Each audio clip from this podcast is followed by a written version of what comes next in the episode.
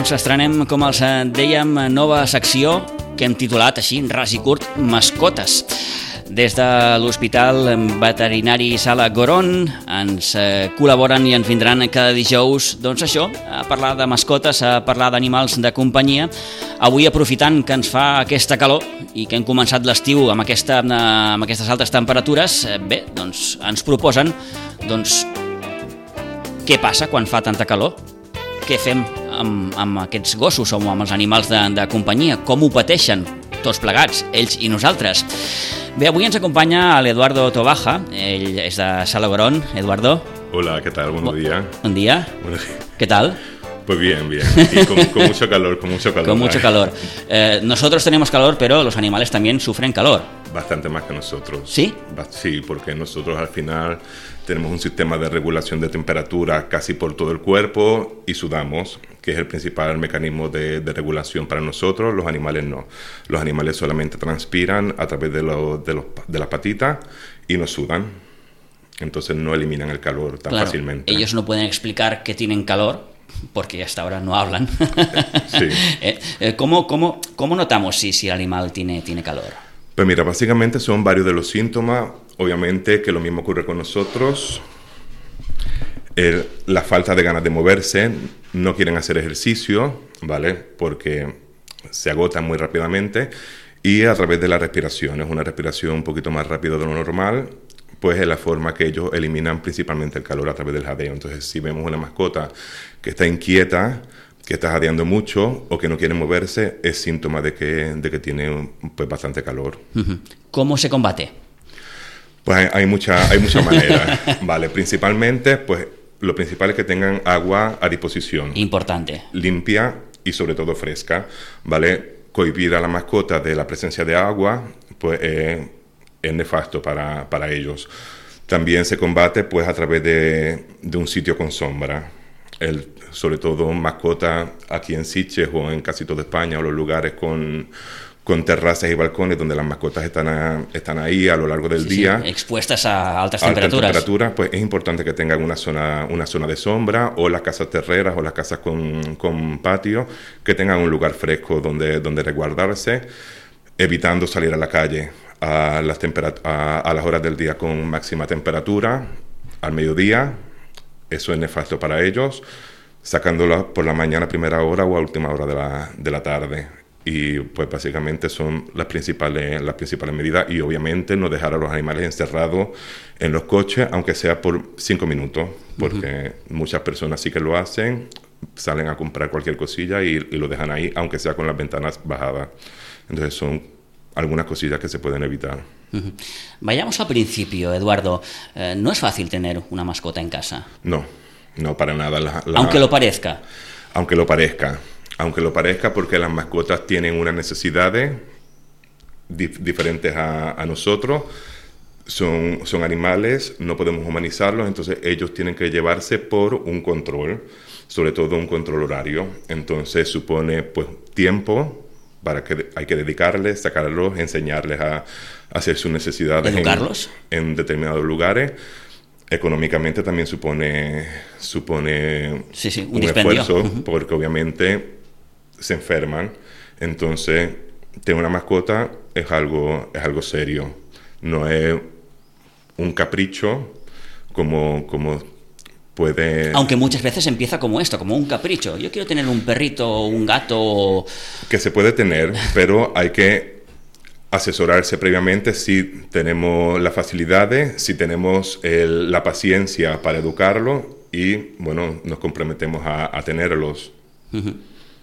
No todo el mundo puede tener una mascota. No todo el mundo puede tener una mascota y, o si la quieren tener, pues también hay diferentes especies de animales domésticos, no solamente son perritos y gatitos. Entonces, según la especie, según el tiempo que tenemos, pues por las labores en casa, en el trabajo, los hijos, pues hay diferentes tipos de mascotas que Eh, se pueden claro, tener. hablamos en gran parte de perros o gatos, De perros y pero, gatos, pero sí. existen otros animales eh, que Pues- estarían un poco en, en- en esa familia de, de- de- animales de compañía. de ¿no? animales de compañía, sí, ahora está Por ejemplo, no sé, Eduardo. los nuevos animales de compañía, pues conejos, cobayas, Sí, los conejos también es un clásico. chinchillas, eh, aves, se están habiendo también reptiles sobre todo, eh, culebras, lagartos, etcétera. Algunos que están eh, no prohibidos, pero sí muy regulados, porque su tenencia Claro, te lo quería preguntar, el tema de los reptiles ya entramos en una fase un poco más complicada, ¿no? Un poco más complicada. Hay animales que no están registrados como animales de compañía y que su tenencia pues supone la necesidad de declararlo o directamente no tenerlos. Así de entrada cuesta entender que un reptil pueda ser un animal de compañía. Cuesta entenderlo. Cuesta entenderlo porque... porque... ¿Qué, relación se establece entre, en este caso, el humano y, el reptil, no? Pues básicamente es la necesidad de tener compañía. ¿Te puede hacer caso como un, como un perro o un gato? Mm, hasta ese punto no, porque obviamente claro. son especies completamente diferentes y su aprendizaje es completamente No se establece aquí una relación entre, Pero sí hay propietarios que tienen una relación bastante, bastante buena con, su, con sus reptiles. Incluso en mis primeros años aquí en el, en el hospital había una iguana con correa que salía a la calle con, ¿Una con correa. Con correa? Sí, sí, sí. bastante grandecilla. Entonces, es la necesidad de, la necesidad de humanas y, la, y las interacciones. Ya eso no, no lo montamos las personas pues según lo que, lo que podamos. Eh, eh, la mayor parte se, de, se decanta por perros o gatos. Por perros y gatos. es, lo más, es lo más básico. Bueno, lo más básico, no lo más frecuente. Sí, lo más frecuente. Y lo más a nivel de historia son las especies que más llevan conviviendo con las personas, las, más domesticadas. Y bueno, clásicamente son, son los animales de compañía. Vi o leí el otro día, no, me acuerdo muy bien dónde, eh, que hacían un estudio que hoy en día en, el Estado español había eh, cantidad de, de, personas que tenían perros o animales de compañía. Cada vez hay esa sensación de que hay más perros, que, las personas tenemos más... Sí, eso, eso Nos es interesante. gustan más los, los, perros. Sí. Y tenemos en casa. Sí, eso es interesante porque ya el modelo de familia al estar cambiando, ya sea por a nivel social, la economía individual de cada uno, la búsqueda de trabajo y todo eso, pues implica el gasto que tiene una mascota con respecto a, a un niño, pues es diferente entonces sí se están decantando por, por, por tener mascotas como, como miembros de la familia. Entonces, además, el, sobre todo en épocas de, de Navidad, que se suele regalar para que los niños vayan aprendiendo el tema de la responsabilidad, pues la gente va adquiriendo más, más esos hábitos de tener, de tener los animales de compañía. Eduardo, eh, pongamos el ejemplo. Mm, quiero tener un perro. ¿Qué debo hacer o qué debo tener claro si quiero tener un perro? Lo, Hablo de un perro como puede ser un gato. Mm. lo, primero que hay que tener claro es que los animales enferman. Los animales enferman al igual que enfermamos las, personas. las personas. Entonces, a diferencia de... Perdona, ¿es importante la casa? Es importante la casa y la especie, sobre todo porque los perros tienen una necesidad diferente, los gatos tienen otras necesidades, son comportamientos completamente diferentes. Presuponer que los gatos son como perros es un error, porque son comportamientos completamente diferentes que, bueno, la casa obviamente pues supone un factor a tener en cuenta. Ahora que hables de perros y gatos, eh, ¿es más independiente el gato que el perro? depende. Normalmente sí, normalmente sí. Te lo pregunto porque yo personalmente tengo esa sensación, que el gato es más... más yo tengo va más a la suya. Va más a la suya. Yo tengo perros y gatos como, como mascota. Y si es cierto, y bueno, siempre he tenido las dos especies, y si es cierto que los gatos suelen ser un poquito más independientes, suelen buscarte cuando ellos lo necesitan, pero no quita que hay gatos de manera individual que dependen mucho de, la, de las personas. Ya. Aún así, no tanto como un perro. Son pero sí que hay, hay gatos muy dependientes. ¿Y pueden convivir perros y gatos? Sí, perfectamente, perfectamente. Ya depende de la socialización que se hace en cada, en cada etapa de infantil. Aquí supongo que tenemos que ver mucho nosotros, ¿no? Sí. Si yo quiero tener un perro, pero también un gato, he de intentar que los dos puedan convivir juntos. Puedan convivir juntos. Eso, y eso se... ¿Cuesta hacerlo? no cuesta, no cuesta conseguirlo dependiendo de cómo ha sido la socialización en las etapas infantiles de, de los cachorros, mm. tanto de perros como de gatos. Ellos tienen unas etapas, ¿vale? Desde que nacen hasta que alcanzan la, la pubertad o el periodo de la adultez, que, bueno, necesitan socializar con seres humanos, diferentes tipos de personas y con otras especies. Si ese periodo de socialización es exitoso, no, hay por, no tiene por qué ser una, un problema la convivencia entre, entre dos mascotas de diferentes especies. Bueno, la idea esa de que los perros y los gatos No, para nada. eh, se están peleando constantemente. Para nada, para nada. Se ha demostrado que no, que también pueden, pueden tener hecho- una convivencia vaya, ideal, mm, ideal. Yo, normal. por ejemplo, mi, mi gatita la adopté estando en el hospital y desde se la cuid- fue- fue una urgencia que llegó Sí. y desde pequeñita hasta que se, que se operó por la, por la fractura que tenía, estuvo constantemente socializando con, con perros. Y la perrita que tengo ahora, igualmente. Ahora ellas dos duermen juntas. La, la gata sí cara a la perra, la perra sí cara a la gata y bueno, se extrañan si no están juntas. Ya. Eh, perdona que antes te, te- te he cortado. Eh, a la hora de tener un animal de compañía en tu casa, nos decías, hemos de tener claro que Bueno, enferman. Que, que enferman. Eh, a que- diferencia de, las, del- de los humanos que tenemos el sistema sanitario Claro. gratuito, bueno, sí, gratuito, eh, la- los veterinarios no, los veterinarios son una empresa privada que, aunque los veterinarios no- nos encantan los animales, pero es una empresa privada y tenemos que cobrar por nuestro servicio. Claro. Entonces, presuponer que eh, una mascota enferma y que corre a cargo del- de los veterinarios, pues es un error. O sea, la- las mascotas enferman y el, el propietario debe ser consciente de eso. Hay algunas enfermedades que son más simples, otras que son un poquito más complejas.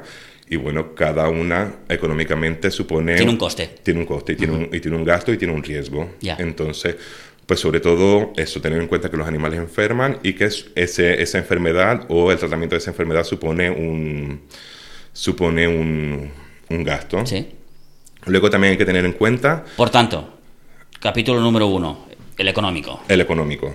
Es- es Mm, Vamos a tener que hacer un, un esfuerzo. un esfuerzo económico eh, para, supone un gasto. para No- que el, el animal pues esté bien cuidado, tenga sus atenciones, tanto las diarias como, como cuando requiera Como una urgencia o, Que- o ser atendido. Es más fácil prevenir que curar. Entonces, Exacto. si los propietarios eh, siguen correctamente las pautas que ofrecemos los veterinarios en esas primeras visitas de, de conocer, de asesorar, no tiene por qué ocurrir nada.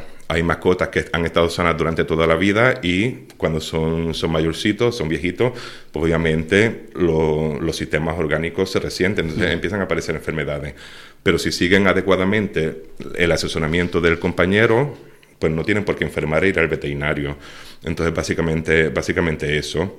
Otro punto a tener en cuenta a la hora de elegir una mascota, pues, pues la especie. El tiempo que tengamos, la economía que tengamos, perro, gato, conejo, per- eh, periquitos, aves, reptiles, sobre todo. Las enfermedades que podrían adquirir cada una.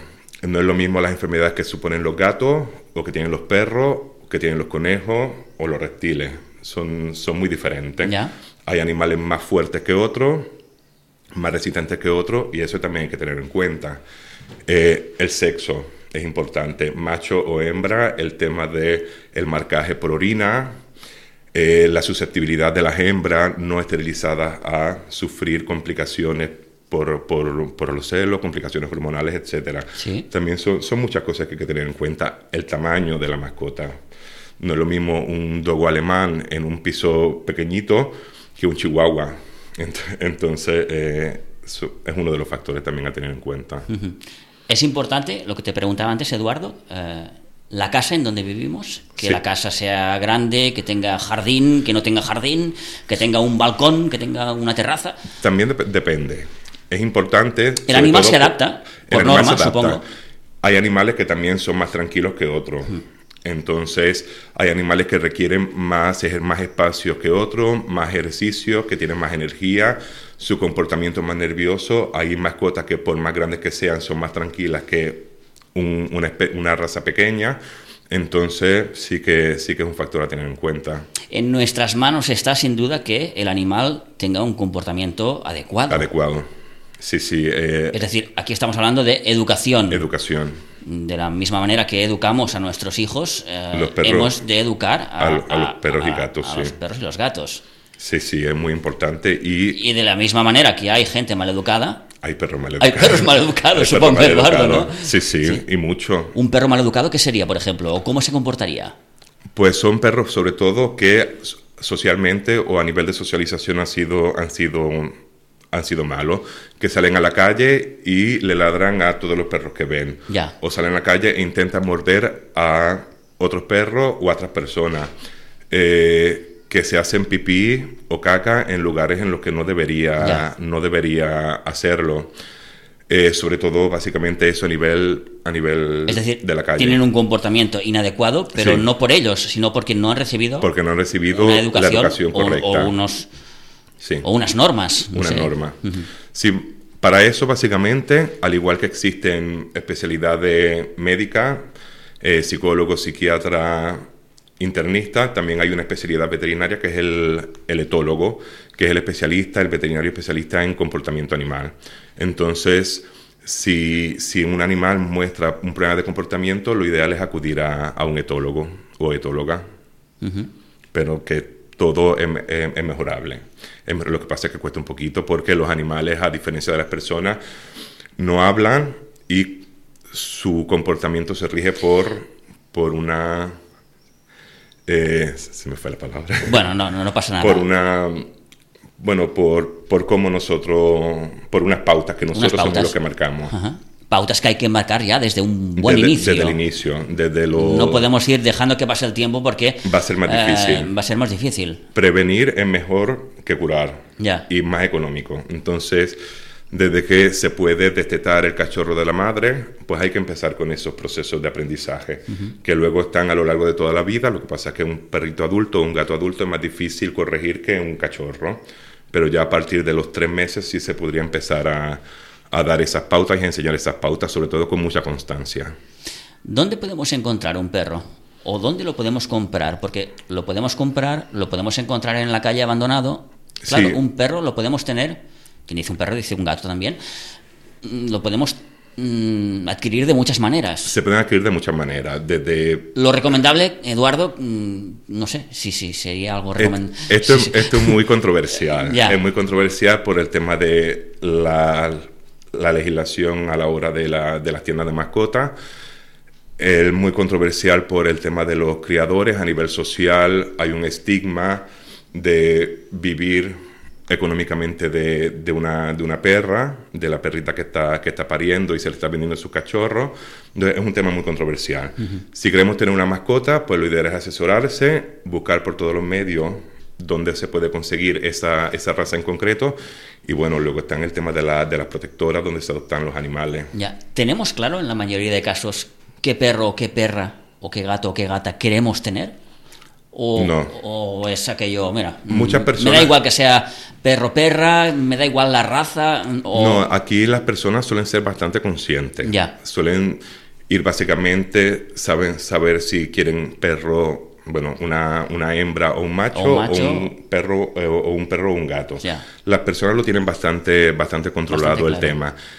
Sí, el tema de la raza, ahí es un poquito más, más difícil porque o las personas quieren un, un perrito de raza pequeña, mediano o grande. Y bueno, ya ahí el tema del tamaño, pues depende, pues sí, de un perro mediano que por la alimentación se puede tener un tamaño bastante considerable, o un perro de raza pequeña es que... una de las preguntas clásicas cuando vemos un cachorro. ¿Este perrito va a crecer mucho? ¿Se va a hacer muy grande? Es, es bastante frecuente, es bastante frecuente. Es una de las preguntas que quizás, Eduardo, nos solemos hacer, ¿no?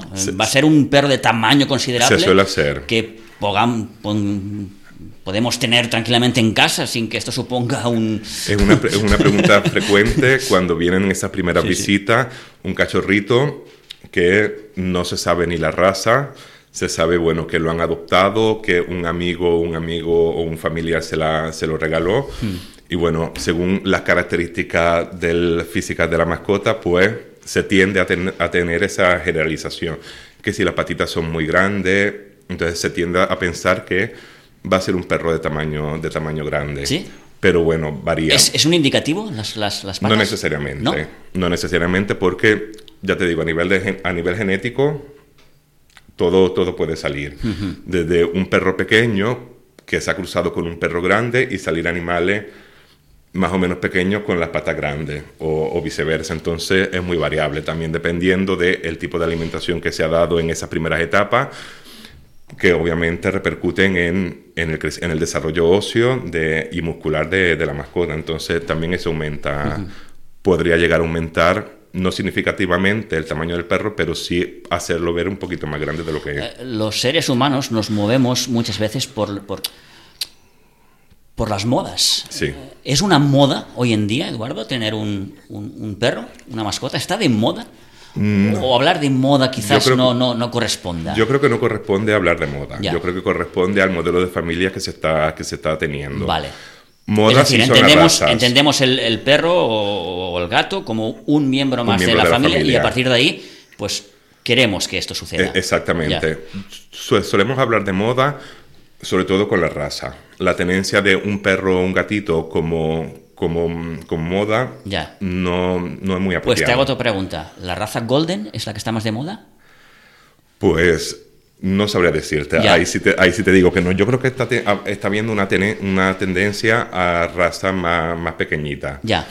Yorkie, Chihuahua. Sí, lo... está, Golden ya es una raza un poco ya. Es grande. Es un, estamos hablando de un perro de tamaño más. Que puede llegar a los 45, 50 kilos.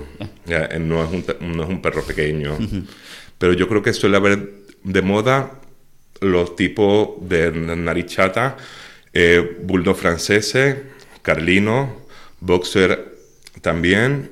Suele haber, yo creo que suele ser por lo menos a mi experiencia, no hablo, no sé en el resto de España cómo, cómo vaya, uh -huh. pero por mi experiencia suele ser una, una, una, tendencia. ¿Cuántos años, Eduardo, hace que te dedicas? Uy, no, tres años y medio. Tres años y medio. Uh -huh. Sí, tres años y medio, bueno, en, en, el hospital, luego estuve un año en, en, Málaga, o sea, ya llevo cuatro años de haber terminado la, la carrera. La carrera. ¿Y qué tal? Bien, bien. bien. Eh, es bastante complicadillo, bastante sí. difícil, pero muy gratificante. ¿Cómo es un día en Salagorón? Un día en Salagorón es un caos. puede llegar a ser un caos. Ya. A ver, nosotros normalmente intentamos acomodar las la visitas a, un, a, una agenda. ¿vale? Tenemos varias especialidades, varios compañeros especialistas. Sí. E intentamos, pues, cubrir su agenda. De la misma manera que hay médicos especialistas, pues, pues, también hay veterinarios especialistas. Hay veterinarios especialistas, oftalmólogos, neurólogos, traumatólogos, etcétera. Sí. Entonces, intentamos, en la medida de lo posible, pues, ordenar su agenda de manera pues, que no se cree en caos.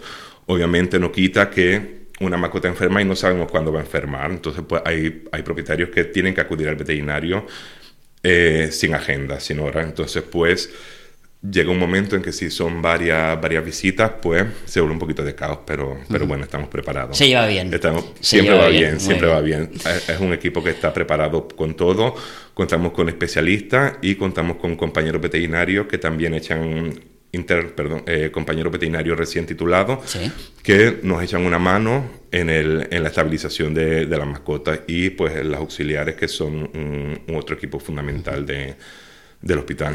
Doncs amb Eduardo Tobaja hem començat i hem encetat avui aquesta secció dedicada al món de las mascotas. Has visto que hoy te he hecho muchas preguntas, pero sí. bueno, para ponernos un poco en situación, sí. ¿no? Pero bueno, ¿qué tal? Bien, ¿no? Sí, sí, sí. todo, todo, bien, todo bien. Estaba aquí a punto de un golpe de calor yo, pero, pero, pero bueno. Pues Eduardo, muchas gracias. Nada, gracias y, a ustedes. Y nos seguiremos viendo, ¿eh? Pero importante un poco a lo que comentábamos en el principio, son días de calor, son días de son días de mucho calor, de mucha precaución sí, sí. y ante el primer De cuidarnos nosotros, de, pero también de cuidar a nuestras de cuidar mascotas. a las mascotas, sí, sobre todo porque un golpe de calor supone una urgencia veterinaria que puede llegar a suponer la vida de la mascota. Ya. Entonces, hay precauciones que hay que tener en cuenta y en caso de que se dé, acudir urgentemente al veterinario. Un poco como, como los, como los humanos, ¿no? Eh, beber mucha agua. Beber mucha eh, agua, sombra. Estar en lugares frescos, fresquitos. Con no, mucha ventilación. No expuestos al, al, sol, al, sol, al calor directo. Además hay que tener en cuenta que el asfalto también quema claro. y ya no solamente puede suponer un golpe de calor, sino unas quemaduras en, la, en las patitas, sí, sí. que también supone un, un compromiso y un, no una urgencia, pero sí una molestia muy importante para la mascota. Por cierto, Eduardo, acabo, te hago la última. ¿Qué, qué lleva mejor, el invierno o el verano? Eh, yo creo que la primavera y el, otro, y el otoño son, son sí. temperaturas muy, muy, Sí. muy buenas. De todas formas, las mascotas. Los extremos no son buenos, ni, los extremos ni- no son ni buenos. mucho frío ni mucho calor. Y las mascotas tienen un sistema de regulación del calor bastante, bastante bueno y están preparados para soportar temperaturas normales y temperaturas frías. Y temperaturas frías, muy bien. Pues Eduardo, muchísimas gracias. gracias a ustedes.